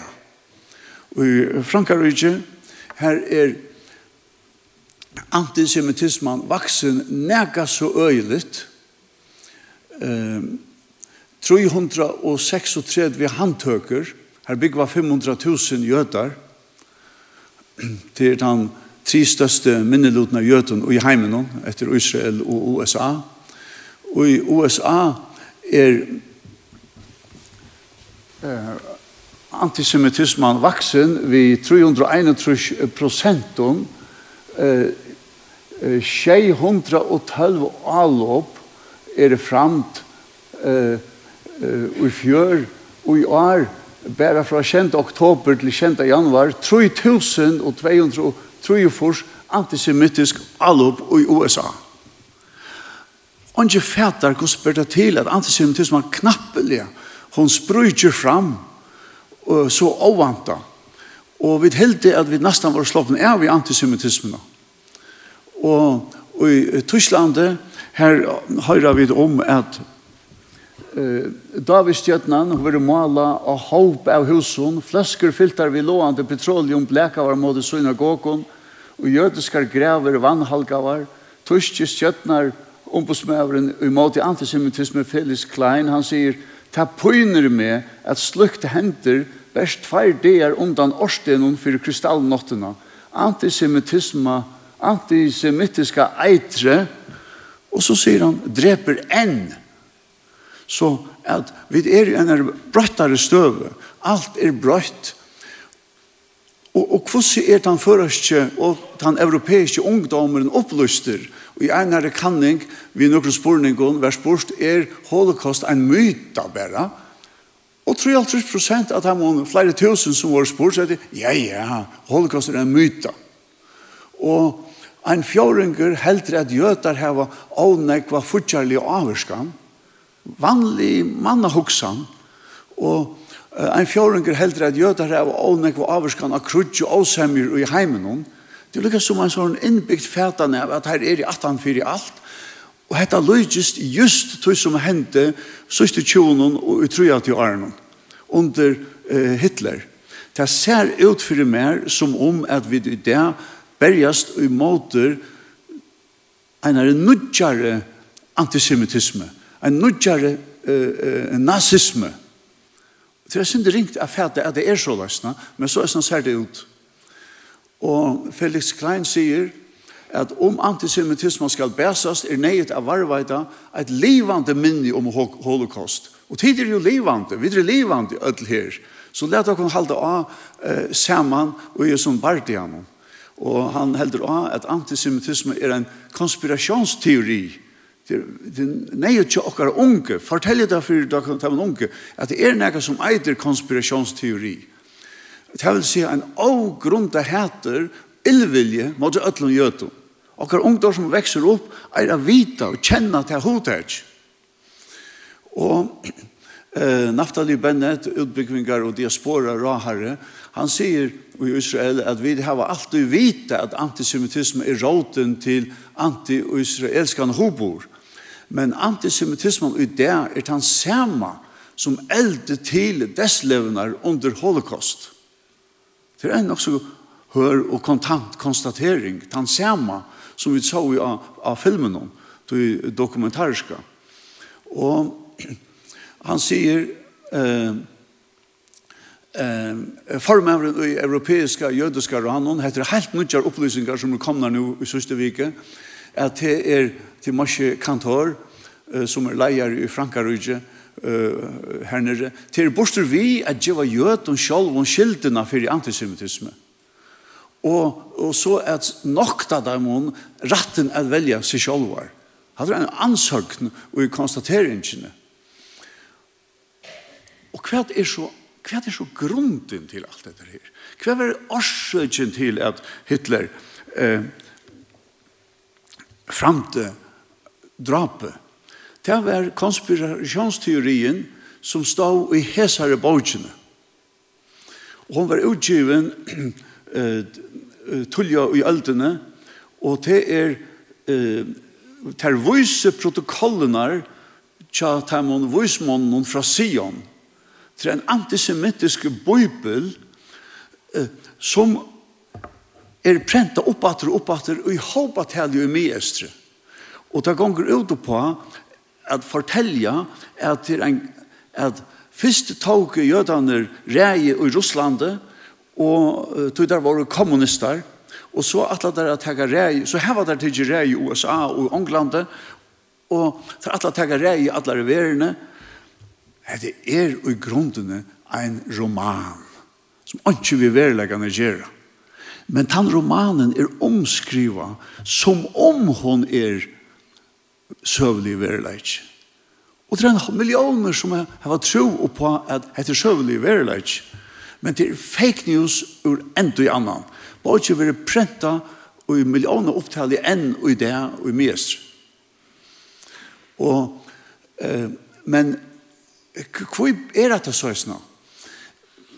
Hvis vi ikke skiljer hva vi stenter i verleggene og i koranene som Hamas og Hezbollah og Iran og Houthi tolka ekstremt fæta vid åndsjø Ikke alle muslimer tolka Korana og på samme måte.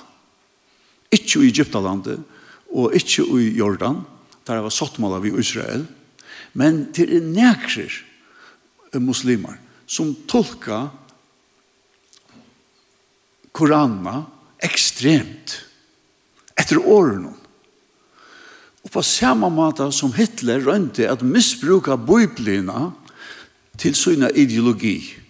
Han skriver i reimene til ødlun tyskon nazistiskon hermannen et sitat ur Matteus kapittel 1 Gott mitt ons Immanuel, god vi okkom. Og han gjør det en han helt at tutsi boin var ikke no-go. Gjør det tølbo. Han var eisen skulde heire Hitler. Eh, og i Koranen Sura 9, 5 og 6, stender drepe av goda dyrskarnar. Og det er jøtar, og det er kristen. Og så stender jihad er en atronavelig plikt. Og det betyr, og tar tarra tulking, det er en plikt å drepa. Og så bor det atlan heimen opp i tvei økje til Kruksland, der al-harb, og det er at landene her i Islam ikke hever rei. Så vidt er jo der al-harb.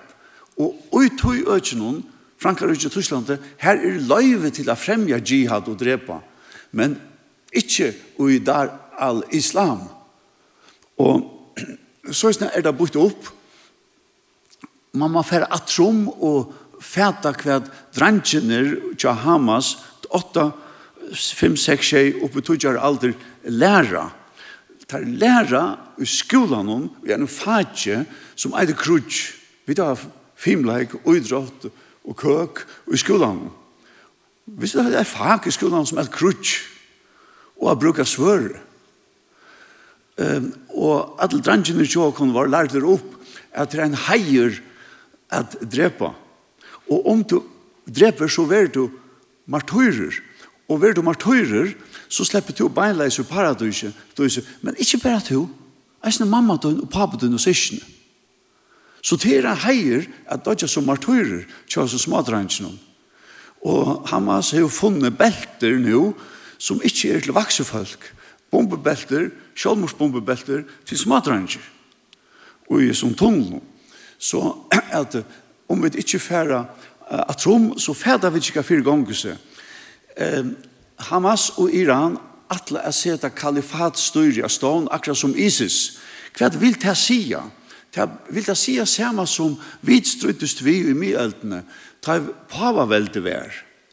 Dette kan også kunne at vi i Europa struttest fyrir at paven var hakste politiske myndelag i ødelen Europa stadig vekk. Nå han finnes jo litt av stater nere og til så noen ek.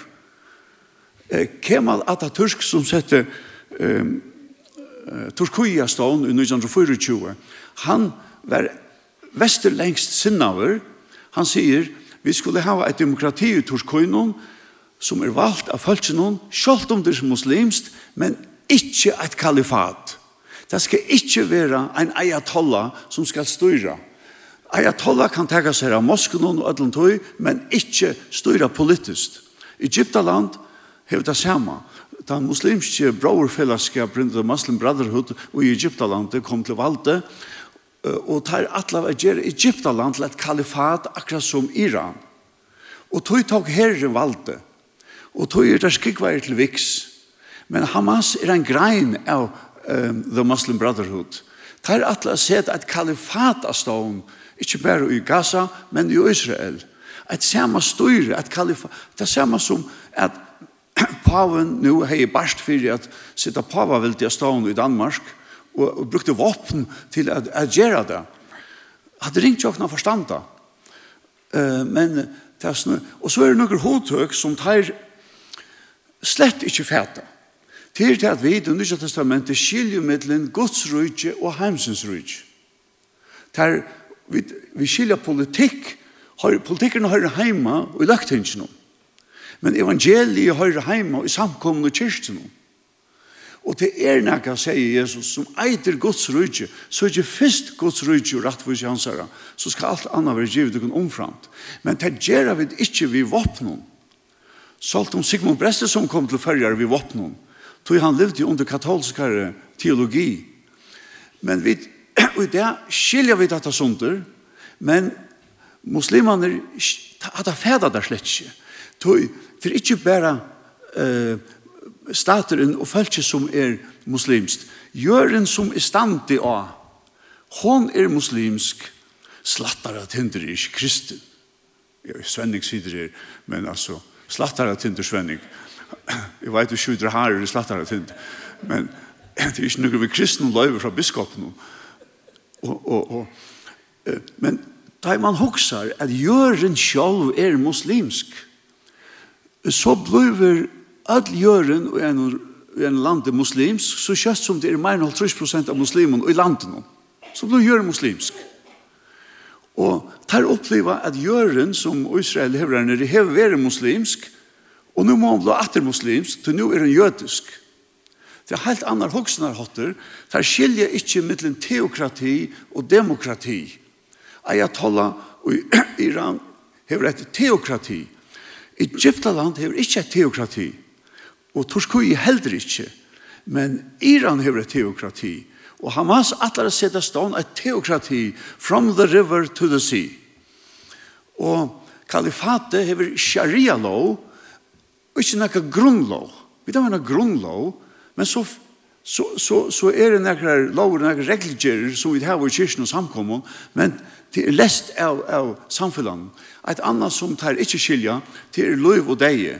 Hamas elskar og lære disse drangene opp at elska deian meire enn løyve. Vi elska løyve meire enn deian. Og selv om apostelen Paulus yngste at færre hian jo være heima til herran så sier han at det er meire gagligt at liva og være her og hjelpe til. Men det er et atterlig som vekser opp, som sier at om vi skal vinna haksta heier, så må vi dødja som martyrer. Den øvete tankagången er av til hava. Sakralisering og sekularisering, skilja der heldur ikkje at vi skilja middelen til sekulæra samfunnet her vi tar demokrati og til sakrala her vi tar halga okkur i tjeneste utan våpen og at uh, menneskjaløyvi er heilagt og sakralt Hatta strøy er livet i Europa, vi tror som vi kallar for primatstrøyer, ta i paven og keisaren, og i flere hundra år strøytest om hver er nu hagre, hver er nu hagste myndelæg. Paven sier, det må være paven som er hakkert, han er nærre gode enn keisaren. Men så kommer reformatorene og kalvelt i ødlån og sier, vi, til, til tvei rujtjer, heimsens rujtjer, Guds rujtjer. Og en kristen, han kan fære på politikk, og som Paul Harsling sier, han fører ikke kristnan politikk. Så politikker er relativer, men evangeliet er absolutt. Men han fører politikk som kristen og verger demokratiet, så ikke alt vil blanda saman i en vavgreit. Og uh, hette kjørt. Og i 2016 ta sier bretar at jødene har rattleit heimland i Balfour, men fra 2020, fra 1920 og så galt 1930, ta byrja av arabisk min litt så alop av jødar som bor her nere, hette lengt åren 48, Og ofta døy holdt trus til hundra gjøtar dagliga og i tjuvnum. Og stor muftiren av Jerusalem hei samstarv vi Hitler. Det er vel dokumentera og muslimska brøralæge som nu er sett viks i Egyptalandet men lever sitt liv her i London Det ble stående i 1928 og i Egyptalandet, og Hamas er en grein av det muslimska brøralægene, så gammalt er det. Et annet som vi glemmer, det er at 1948, ja, så sier det at hvor slipper araberne ikke heimatter? 600.000 arabere flytter ur Palestina. Og så er Sjøvan Leo, og det har leser og høyre akkurat ungdommer. Men det stender ofte ikke et år om at 900.000 jøder var nødt til å flytte ur arabiske London, Irak, Yemen, Algier, Tunis, Marokko, Syria, Syria, 600.000 rymte til Israel og 300.000 til USA og, og til Frankrike. Og der fikk jeg ikke et klov i øyre visser. Hus og heim og pengar og alt ble tidlig. Der kunne kraft endre ikke alt. Trygging og alt mulig. Men ikke nega som helst. Men altså 600.000 der krevja at komme atter til sine åkner. Det er en politisk avgjør hva vi gjør som vi ikke skal uttale meg om, men vi hadde bare for å se da tingene synder opp og jaunva. Og den atrunnen var jo avbyrden som var inne i Janne og i Koranene, hon er at det er en, en, en, en jihad, det betyr en kruks avbyrd at drepa en jøta. Eh, Der, man, man leser nesten aldri om at det finnes tve jihad i Koranen. Stora jihad og luttla jihad. Og stora jihad halte ødel til for ut og drepa. Nei, nei. Stora jihad, krutsk og i Koranen, det er det samme krutsk som Paulus tåsar om, da vi skulle færre i herna og krutsk mot det egne gjerndom. Uh, Mohammed har tidsi øyla negg fra jødadomnen og øyla negg fra kristendomnen. Han sier vi må være krutsk vi måtte okkar ekne holdelige gjerndom. Og det er jo vanlige kristne lærdommer. Vi skulle kua ta, ta gamla og, og fara ta nudja og, og kua okkar ønskap. Vi er krutsk og vi måtte ønskapen og okkar sjolvun. Det er stora jihad. Og så finnes det koranen lytla jihad Og lytla gjerd, det er at krudjas vi våpnen som Hamas gjør. Men tar venta om og på sine egne trygg og gjør at til stora jihad som kan taka løyvi av nekon. Og um, um, i halv trusju Arnon så seint at han ta var i omlai hundra jødar drypner av militanten arabiskon uh, om are og i fem halv trus uh, ta var fyrsta alåpet som Israel gjør til Gaza for å stegga jihad Så tar er til at det er. Og, og i um, uh, fem og trus, uh, ta slå av PLO og fatta seg sammen, og enda målet tjata om er at utrodde Israel og stavna en palestinensisk stat fra Jordan til eh, havet. Så hadde gamla politiska ideer. Hamas hever en godomlig oppgave, halda tær, til å tøyne Israel. Og at dodja vi oppgavene, til å gjøre martyrer. Og hvis jeg gjør martyrer, så vinner jeg paradiset. Og så hender noe merkelig av 2000. Det var lykke vi har blå frier. Og heimene vant deg, nå er frier, nå får jeg tver stater. Og Arafat av 2000, han fikk bøye eh, et, et nytt rydtje, en tvei, en statsløsning. Vi har 5 prosenten av Vestar Årbakka. Men Og at vant han for seg, ja, er 2000. Og Arafat, som er vesterlengt sinne av reisene, og på en måte han finnes utbygging her i Vesterheim, han sier nei. Og så spyr man, hvor sier han nei? Ta. Han var pressaver av Hamas. Hamas hei avhødda og dripi han hvis han hei haft sagt ja. Uh, uh, og Mahmoud Abbas som er på en måte en gode maver, men, men hva er inn i høtten hon? Han uh, gikk av skola, universiteten i Moskva, og han har sagt, for stuttom, 23, 18 år heter det, 20. oktober. Han sagt, Mahmoud Abbas, som vi har størt alit av på en måte, er stand til 8-4-2 mot staten. Men vi vet ikke hvordan det er. Mahmoud Abbas har sagt, Hitler drep ikke jøtar av ideologiske årsøkken, men tytar våre avheilige handelsmenn. Det er merkelig å si at det er. Jøtar er som nazister, hever han uttala for stutten, og jøtar likva en så Goebbels, som de sa i sånne filmen om Janne, og han har skrevet sånne doktorariger fra universiteten i Moskva, og doktorarigen ja, Mahmoud Abbas eiter løgnelige sambandet mellom nazisme og sionisme og, og jeg går også om å lyse igjen, men jeg finner ikke fedre enn igjen. Men jøder har et hodtak til er vitasjon, det er ikke trygt. Hvordan kunne vi få trygt og fri? Men Nakken Beken, og i 1924, han sier at det var forbøy å bo bøyde Palestina Sunder, Jerusalem og akkurat høvstaver. Jeg skrev opp fra radioen om tjej og trusk, og jeg hørte med nakke Beken, jeg sverst aldri i Aarhus ta, og hans han ble spurt, ja, men altså, hver skal så høvestaveren være? Men Nakke Beken sier så, uh, uh, Jerusalem has been our capital since King David and Solomon.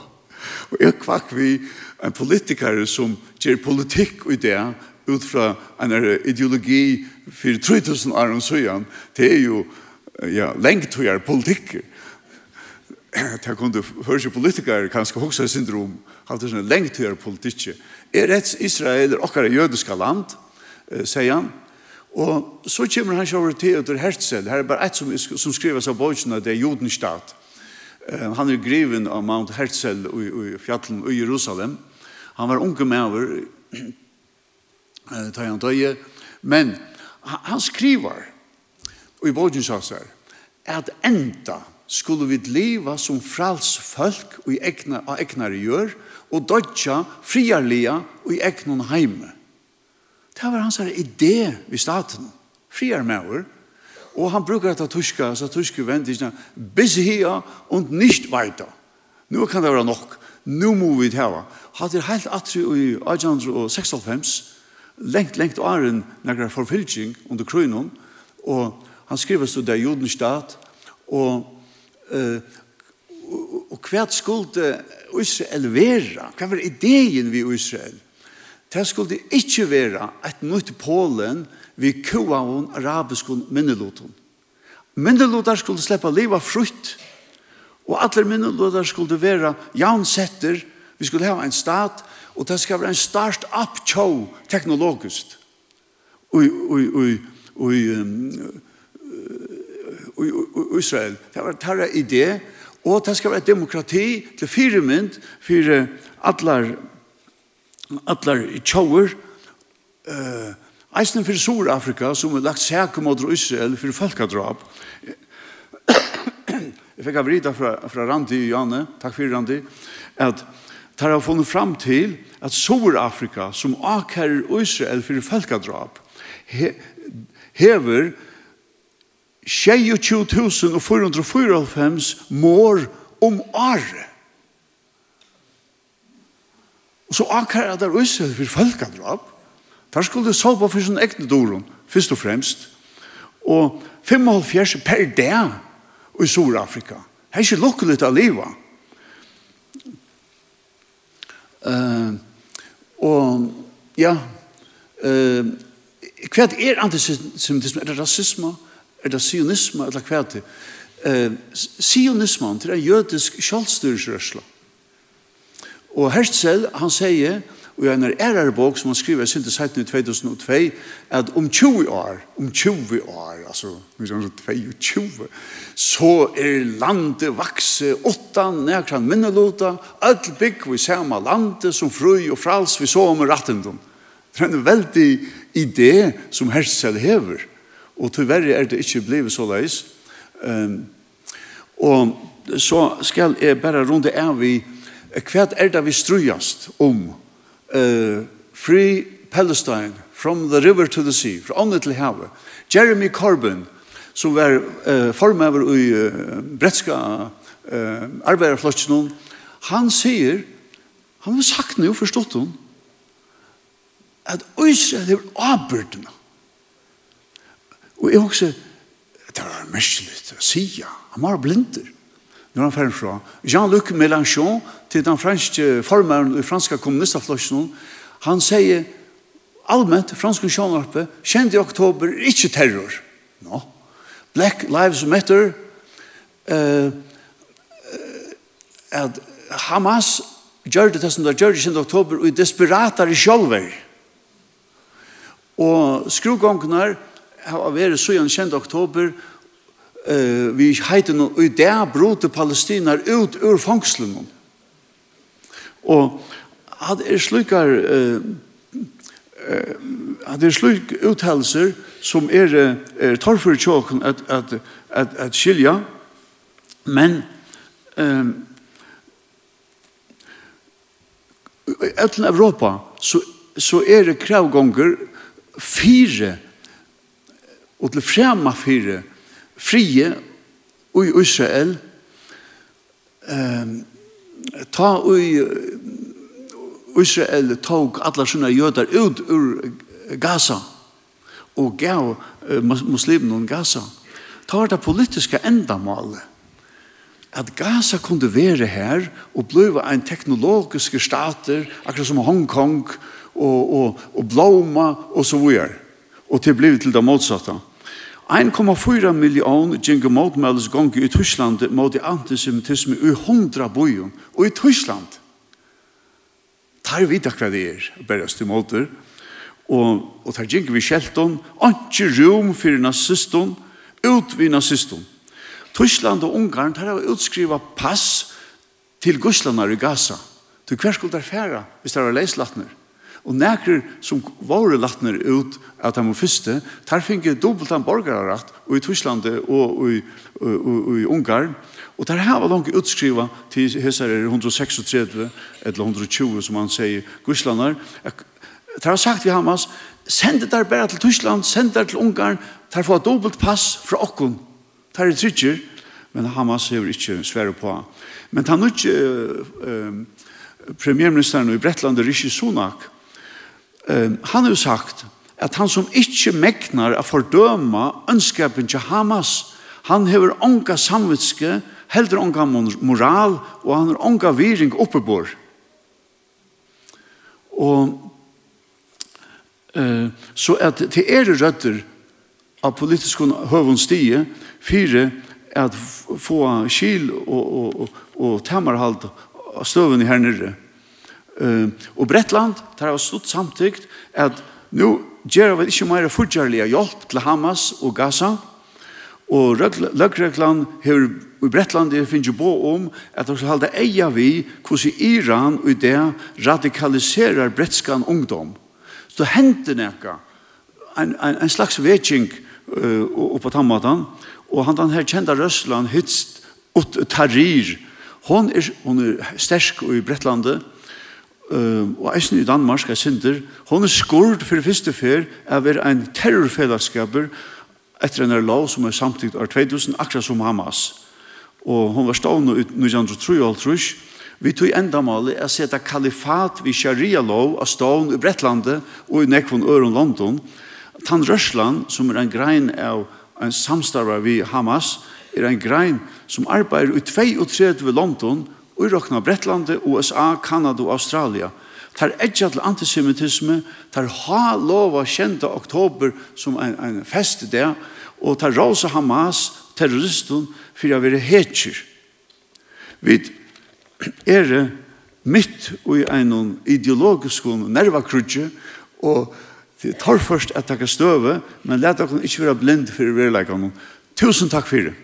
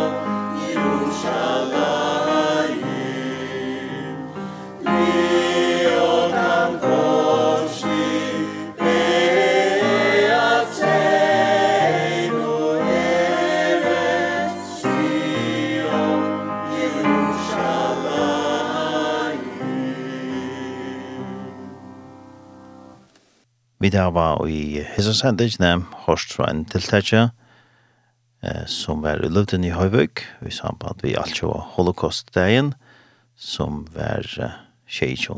januar. Og det tiltakje var i luften i Høyvøk. Og det var eh, vinnerfella i Førja Ørsel og fella i ICJ Førja som skiva i fire. Vi har det med landa fyrleste i Roland og altså i Skårene. Og så var det et kår ur Götås som hei sang framførsla. Så vi får takka vi okkon her vi sender ikke det, og henda sendingen kan høyrast av heimasynet til okkon tjej.fo og òsne som pottvarsp at han vanlig podcast vidlån. Her kan man høre hessa ikke nøysene. Så jeg takk for meg, tar Arne Samansen, vær i Jodorsåne.